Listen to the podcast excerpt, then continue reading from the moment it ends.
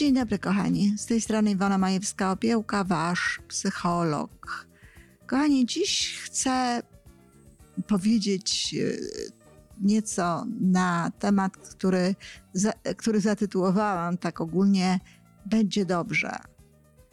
E, bardzo często jest tak, że w sytuacji, kiedy ludziom się dzieją jakieś niedobre rzeczy, czy nawet rzeczy tragiczne, no nie wiemy, co powiedzieć. Nie wiemy, co powiedzieć. To nic dziwnego, że nie wiemy, co powiedzieć. To rzadko kto ma taką zdolność, taką umiejętność, żeby w obliczu czyjegoś nieszczęścia, w obliczu czyichś jakichś e, poważnych zmartwień, wyzwań życiowych, czy, czy innych trudnych sytuacji, no, żeby potrafić zachować się no, w taki sposób, jaki jest najlepszy dla tej osoby i w ogóle zachować się. Bardzo często tracimy w takiej sytuacji rezon, tracimy w takiej sytuacji no, cały, całe naszą, całą naszą zdolność y, elokwencji, jeśli taką y, nawet posiadamy. Y, ja sama jestem osobą, która niełatwo znosi takie sytuacje, niełatwo staje wobec nich, zwłaszcza w, tak było wtedy, kiedy no, nie miałam do życia tak, tak bardzo duchowego i tak bardzo transcendentnego e, podejścia, jakie mam w tej chwili. I bardzo często właśnie w takich sytuacjach, kiedy stajemy no, wobec tego, co, co inni przeżywają, chcemy ich pocieszyć. Chcemy ich pocieszyć, tylko zdajemy sobie sprawę też z tego, że no, słowa wiele nie mogą tutaj zrobić. Um, czasami ktoś otwarcie mówi, nie wiem co powiedzieć. To jest to, co ja mówiłam. I jeśli był to ktoś bliski, to po prostu go przytulałam. Jeżeli to był ktoś, kogo nie znałam aż tak dobrze, to nie wiem, dotykałam jego ramienia, czy dotykałam ręki, a, i jakby chciałam tą drogą przelać mu tę dobrą energię. Myślę zresztą, że jest to dobry sposób, żeby przytulić kogoś, kto cierpi w takim, w takim momencie, jeśli oczywiście tak jak mówię, są to relacje na takim poziomie, że możemy to zrobić i oczywiście, jeżeli ta druga osoba da się przytulić. Tym bardziej, że w takich momentach e, ludzie się usztywniają, ludzie często są w szoku, są w pretensji do świata, e, są w pretensjach w ogóle do Boga, sami nie wiedzą, jak się w tym wszystkim zachować. W związku z tym możliwa jest taka sytuacja, że nie dadzą się przytulić. E, dlaczego zatytułowałam ten odcinek e, Będzie dobrze? Dlatego, że bardzo często jest tak, że właśnie mówimy innym ludziom będzie dobrze. E, słyszałam sama to wiele razy i do mnie w taki sposób mówiono. Będzie dobrze, pani Iwonko, wszystko będzie dobrze. To jest prawda, kochani tak, to jest prawda. Będzie dobrze, wszystko będzie dobrze, tylko nie wiem, czy to jest e, prawda, która potrzebna jest e, do tego, żeby mówić o niej innym ludziom. Jeśli chce się to powiedzieć, no to trzeba być przygotowanym na to, żeby umieć to we, we właściwy sposób wyjaśnić i zrobić to tak, żeby ta osoba to przyjęła. Proszę pamiętać, że nie zawsze ludzie są w tym momencie gotowi na myślenie w ogóle. Gotowi są na to, żeby e, przeżyć, żeby się zdystansować do tego, co się dzieje. Przyjdzie taki moment, przyjdzie taki moment, że się zdystansują i wtedy być może będzie można z nimi rozmawiać inaczej. Natomiast w pierwszym momencie, tak jak mówię, kiedy spotykamy się z ludźmi, którzy, których dotyka coś naprawdę przykrego, smutnego, czy ogromne wyzwanie, no nie mówmy, będzie dobrze. Albo, tak jak mówię, niewerbalnie dajmy znać, że jesteśmy, albo powiedzmy właśnie to. Jestem dla ciebie. Jeśli będziesz mnie do czegokolwiek potrzebować, pamiętaj, że jestem.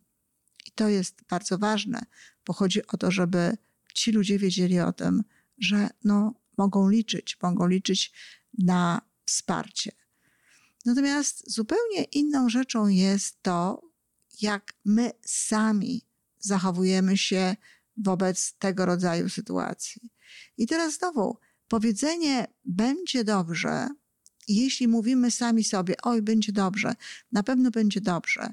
Mamy na przykład e, dziecko, które jest e, zdiagnozowane jako dziecko z chorobą na przykład autystyczną, tak? Dziecko, które ma autyzm.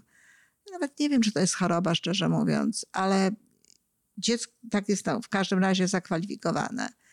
I znam takie przypadki, znam takie sytuacje, kiedy ktoś na przykład, no jeśli mogę użyć takiego sformułowania, walczy z tym autyzmem, tak? Mówi, będzie dobrze i walczy z tym autyzmem. Albo jeżeli ktoś na przykład ma taką sytuację, że nie wiem, ma dziecko, które jest chore, e, ma dziecko, które na przykład jest w śpiączce, czy ma w ogóle kogokolwiek, kto, kto jest e, przykuty do, do łóżka i jego, e, jego choroba czy jego stan no, raczej wskazuje na to, że to potrwa przez jakiś czas, że cud może sprawić, żeby było inaczej. Oczywiście cuda się zdarzają, ja w to osobiście głęboko wierzę, ale to, co chcę powiedzieć, to chcę powiedzieć, że jeżeli ktoś mówi, będzie dobrze i walczy, i ta matka, która ma to autystyczne dziecko, i widziałam takie sytuacje, jakby nie przyjmowała do tego do wiadomości, jakby nie przyjmowała do wiadomości tego, że to dziecko ma ten autyzm, tylko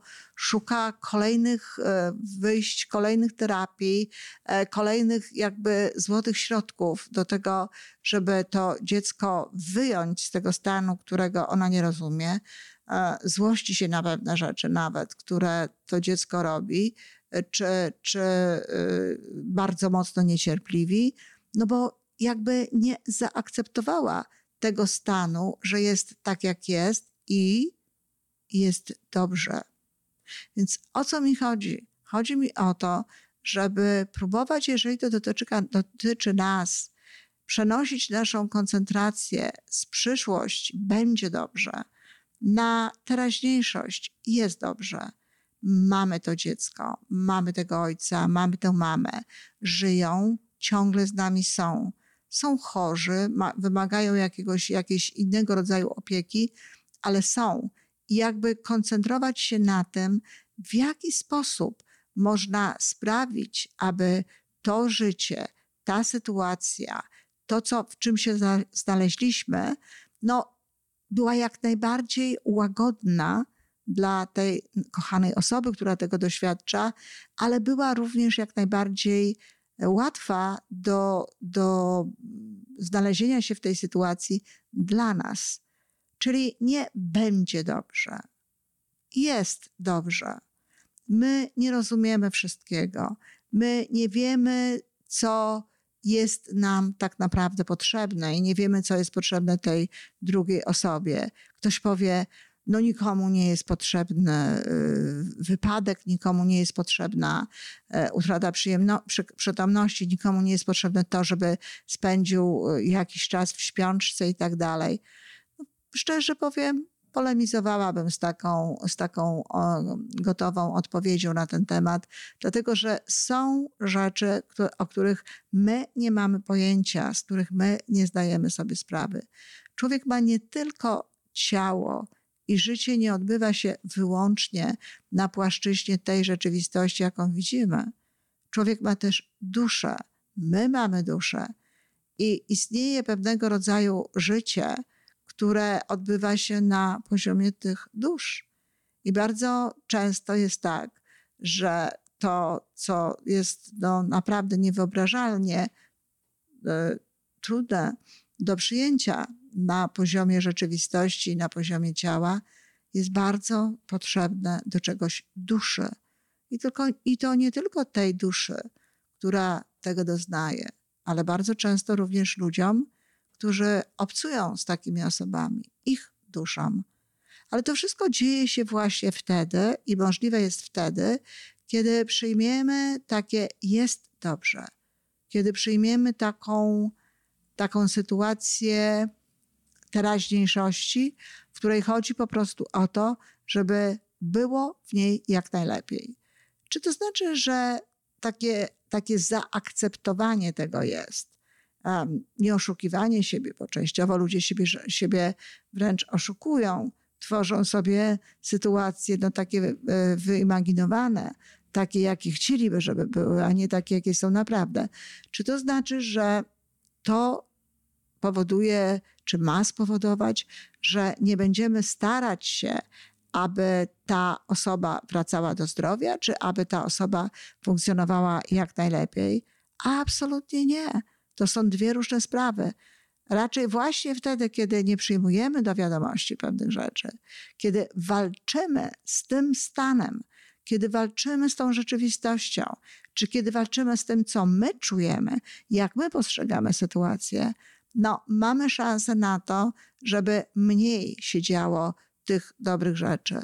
Natomiast wtedy, kiedy to zaakceptujemy, kiedy zdamy sobie sprawę z tego, że taka, a nie inna jest sytuacja, tak dziecko ma autyzm, tak dziecko ma poziom E, na przykład e, poziom intelektualnego postrzegania rzeczywistości w tym momencie obniżony, inny niż e, miało, na przykład przed wypadkiem, czy inny niż mają dzieci w jej czy w jego wieku, czy dorośli, jeśli mówimy o osobach dorosłych.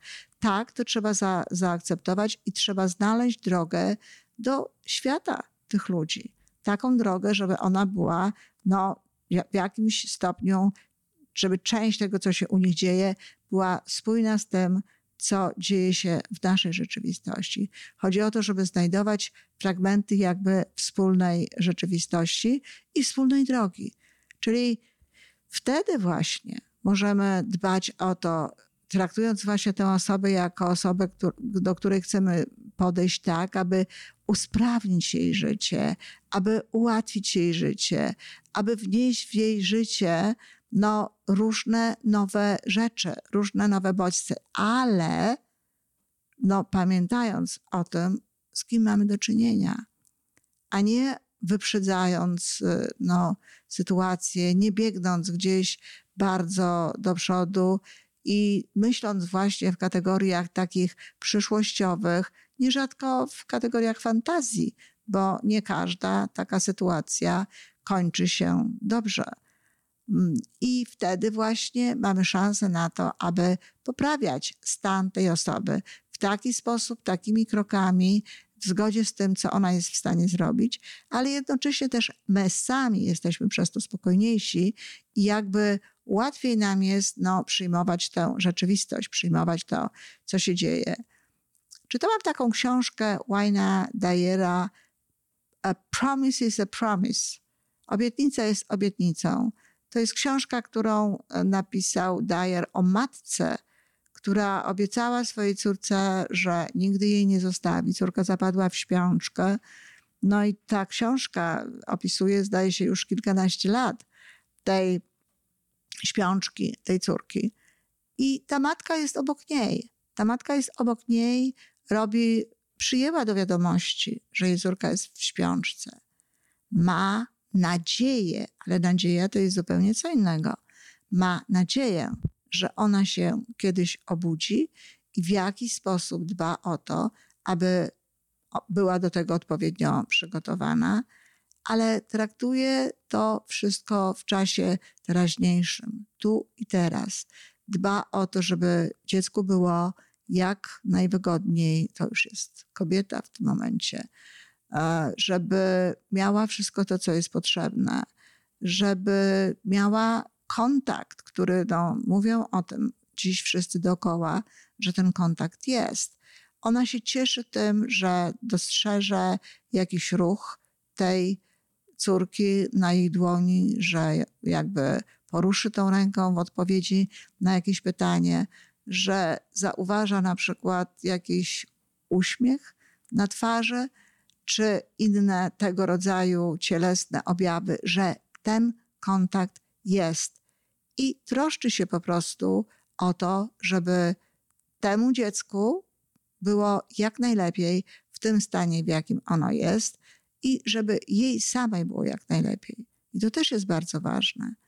To jest bardzo ważne, aby dbać o siebie, ale o tym już w następnym odcinku. Dziękuję, kochani. Wszystkiego wspaniałego.